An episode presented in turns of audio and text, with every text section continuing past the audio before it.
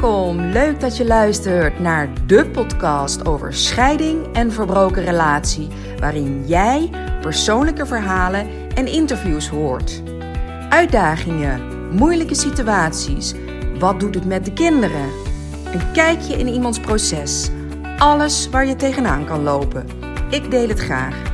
Hoe pak jij je leven weer op na een relatiebreuk?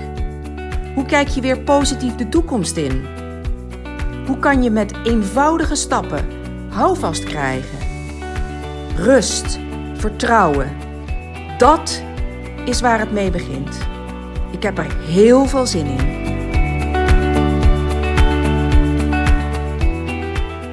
Ik ben weer bezig met het organiseren van een nieuwe live dag. Want wat ik vaak hoor is dat uh, mensen toch tegen onbegrip aanlopen vanuit de omgeving. Ja, maar een scheiding is een pittig proces. Het is een beladen keuze en je hebt, je hebt het al zwaar genoeg. En met wie kan je dat nou delen? Weet je, ongelimiteerd. Dus zonder dat je hoeft na te denken. En door wie word je begrepen? Ja, je hebt al je energie voor jezelf nodig. Dus de negatieve energie van een ander kan je eigenlijk niet gebruiken. En het wordt niet altijd zo opgepakt door je omgeving. En dat kan het nog lastiger maken. Want ja, het kan zijn dat jij heel veel steun en begrip uit je omgeving krijgt.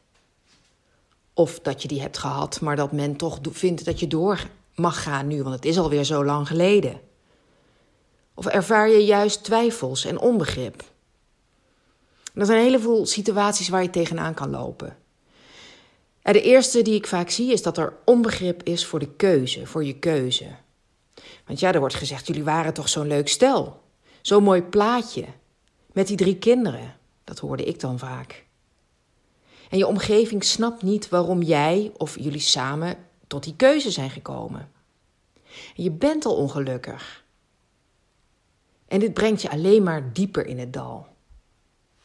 Het feit dat mensen verwachten dat jij gelukkig moet zijn en het lukt jou niet dit te voelen, maakt je eigenlijk alleen nog maar ongelukkiger. Geloof me, het zal allemaal goed bedoeld zijn. Dat kan ik nu achteraf zien.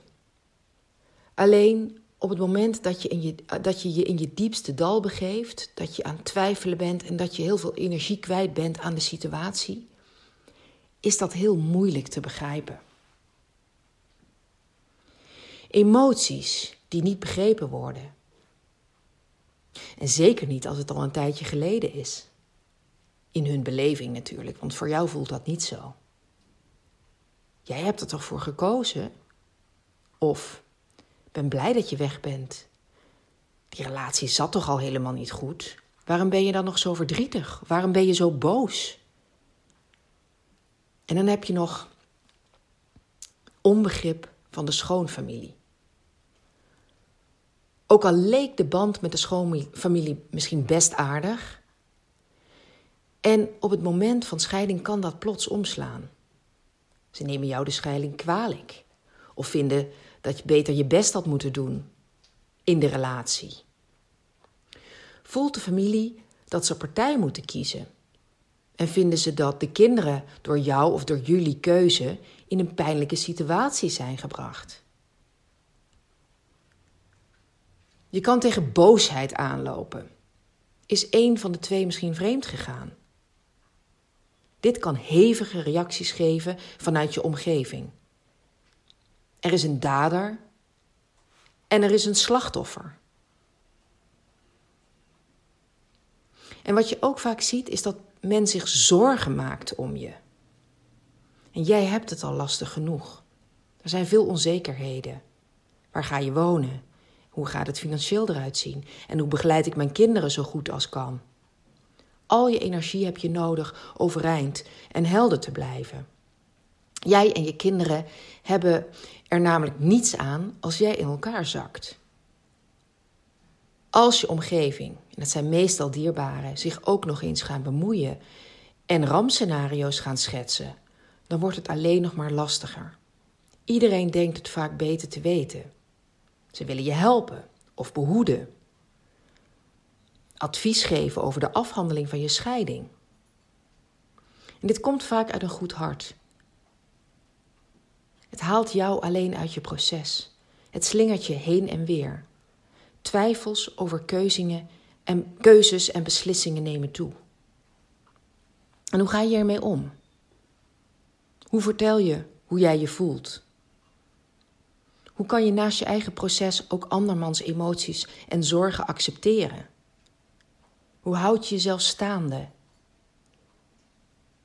En baan je een weg naar de toekomst in dit rouwproces, waarbij je uitgeput bent en je gezin mist, je je eenzaam voelt en onbegrepen.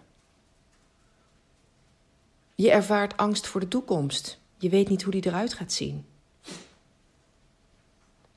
Je door chaos in je hoofd en lijf geen beslissingen meer kan nemen. Een schuldgevoel overheerst. En hier ging ik dus aan onderdoor. Ga de verbinding aan met een ander.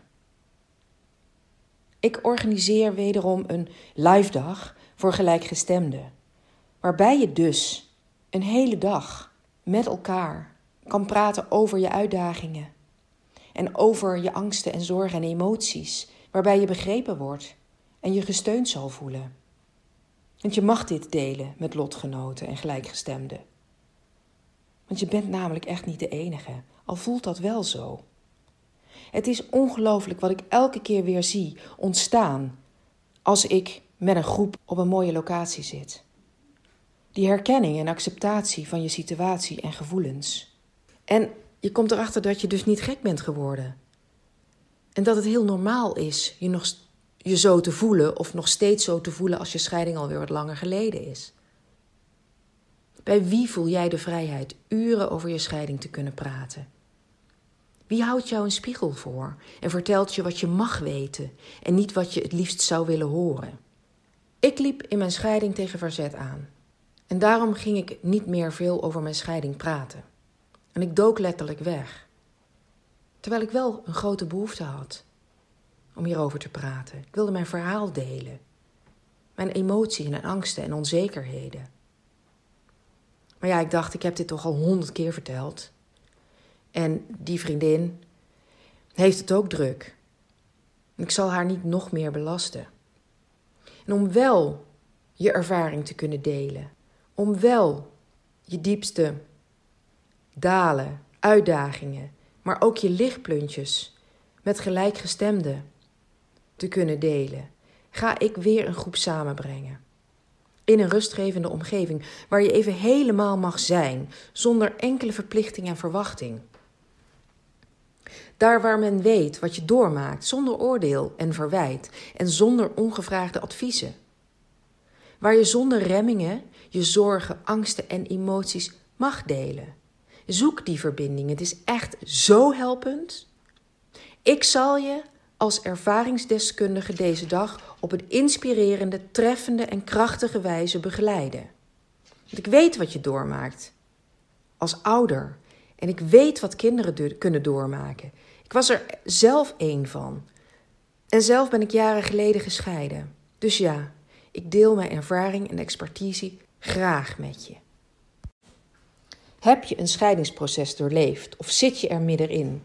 Kom dan zaterdag 22 april naar de live dag in de omgeving van Utrecht. De locatie houd ik nog even geheim. Het is een nieuwe dag voor gelijkgestemden. Kom te weten waar jij stond en realiseer je welke stappen je al hebt gezet. En waar sta je nu?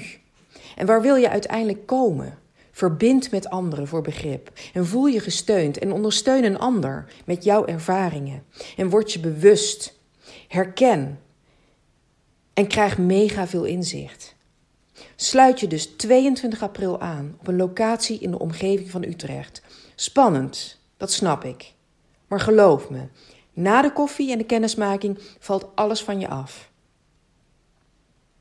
Ook zorg ik voor een aangename sfeer. Rouw bij scheiding is ingrijpend en kan eenzaam zijn, maar je hoeft het niet alleen te doen. Schrijf je in of neem contact met me op voor extra informatie. Je bent van harte welkom. Heel fijn dat je luisterde naar deze nieuwe aflevering.